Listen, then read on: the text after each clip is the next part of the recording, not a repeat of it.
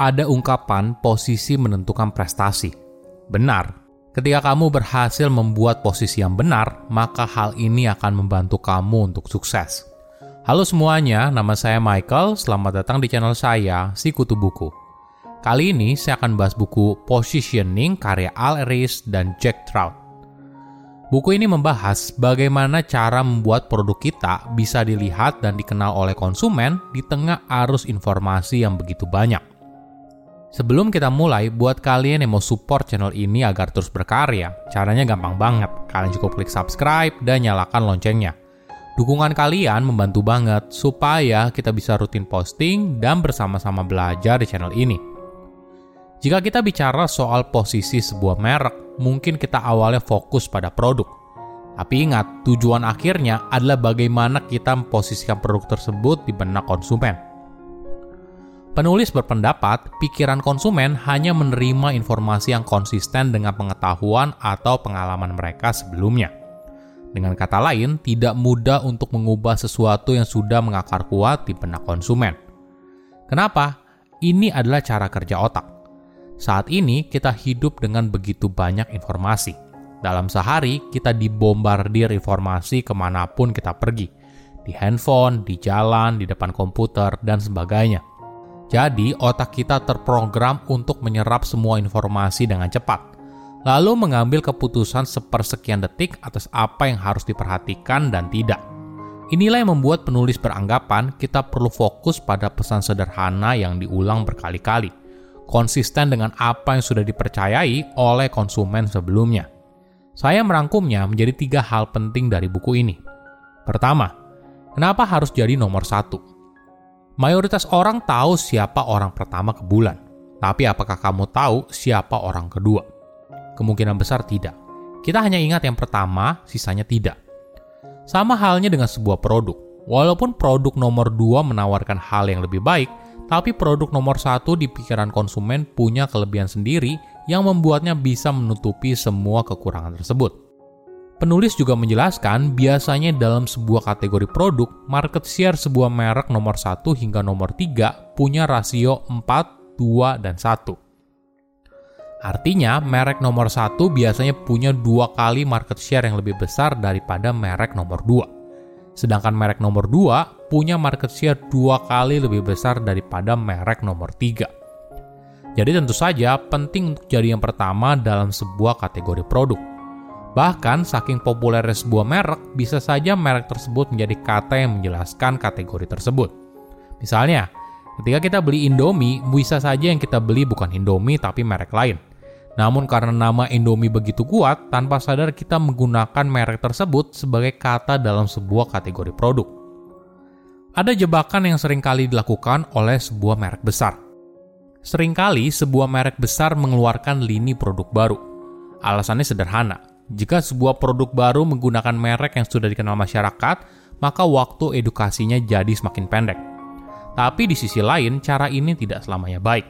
Bagi produk yang sudah dikenal sangat luas dan bahkan menjadi nama dari kategori sebuah produk, cara ini justru bisa berdampak buruk. Contoh yang menarik adalah sebuah produk bernama Lifesavers Candy. Ini merupakan produk permen di Amerika Serikat yang sudah sangat dikenal dengan bentuknya yang bulat seperti cincin dan bolong di tengahnya. Ketika perusahaan Lifesavers mengeluarkan produk baru yaitu permen karet dengan nama yang sama, nama ini gagal karena tidak sesuai dengan apa yang sudah ada di benak konsumen soal Lifesaver itu bentuknya apa. Kedua, tips untuk merek nomor 2. Bagaimana bila kamu tidak bisa menjadi yang pertama? Jangan berkecil hati, ada banyak strategi yang bisa kamu lakukan. Yang penting, coba cari posisi yang unik dan hanya bisa diklaim oleh produkmu saja. Misalnya, 7 Up yang memposisikan mereknya sebagai Uncola, sebagai pembeda antara Coca-Cola dan Pepsi. Bisa juga kamu memposisikan merek sebagai underdog. Contoh yang paling terkenal adalah sebuah perusahaan rental mobil bernama Avis. Merek ini sempat terkenal dengan menggunakan posisi Avis hanyalah rental mobil nomor 2. Jadi, kenapa harus milih kami? Karena kami bekerja lebih keras. Nah, apakah mereka beneran bekerja lebih keras? Hal ini tidak begitu penting. Tapi yang pasti, di pikiran konsumen yang ingin pelayanan yang lebih baik, tentunya memilih Avis merupakan pilihan yang masuk akal. Jadi, ketika kamu tidak jadi nomor satu, jangan fokus berebut dengan merek nomor satu untuk posisi yang sudah mereka klaim duluan.